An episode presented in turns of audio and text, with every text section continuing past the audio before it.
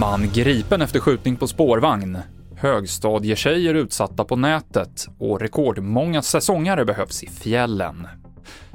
En man i 60-årsåldern har blivit gripen misstänkt för skjutningen på en spårvagn i Majorna i Göteborg tidigare idag, då en kvinna blev träffad i buken. Ja, vi hade ju mycket personal, mycket patruller ute och eh, hade ju bra signalementsuppgifter som jag sa, övervakningsfilm, så att det var ju polispersonal som kände igen den här mannen och eh, kunde på, på det sättet eh, hitta honom och gripa honom. Sa Peter Adlersson på polisen. Kvinnan ska ha varit vaken och talbar när hon fördes till Salgrenska. Sarah McManus, som är på besök i Göteborg från USA, stod och väntade på spårvagnen när hon hörde ett skott och sen ett skrik. So we heard uh, what sounded like a gunshot, um, but we weren't sure. We thought maybe something broke on the tram. And then we heard a woman screaming.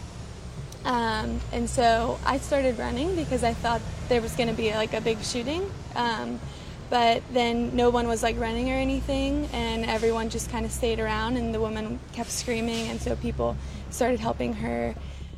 Och vi byter ämne. Tjejer på högstadiet är de som är mest utsatta för kränkningar på nätet, visar en ny rapport från Friends. Var tredje tjej i årskurs 6-9 har blivit kränkt på internet det senaste året.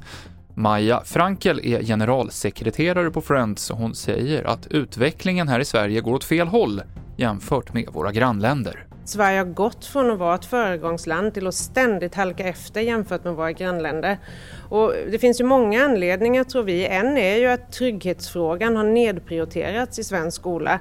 Att man hela tiden eh, lägger ner eller minskar elevhälsan och det är rekordstort behov av säsongsarbetare i fjällen. Arbetsförmedlingen säger att det är 1700 tjänster som ska tillsättas nu när rekryteringen drar igång och det är mer än någonsin tidigare.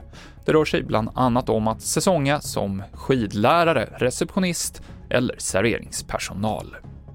Senaste nytt finns på tv4.se och jag heter Mikael Klintevall.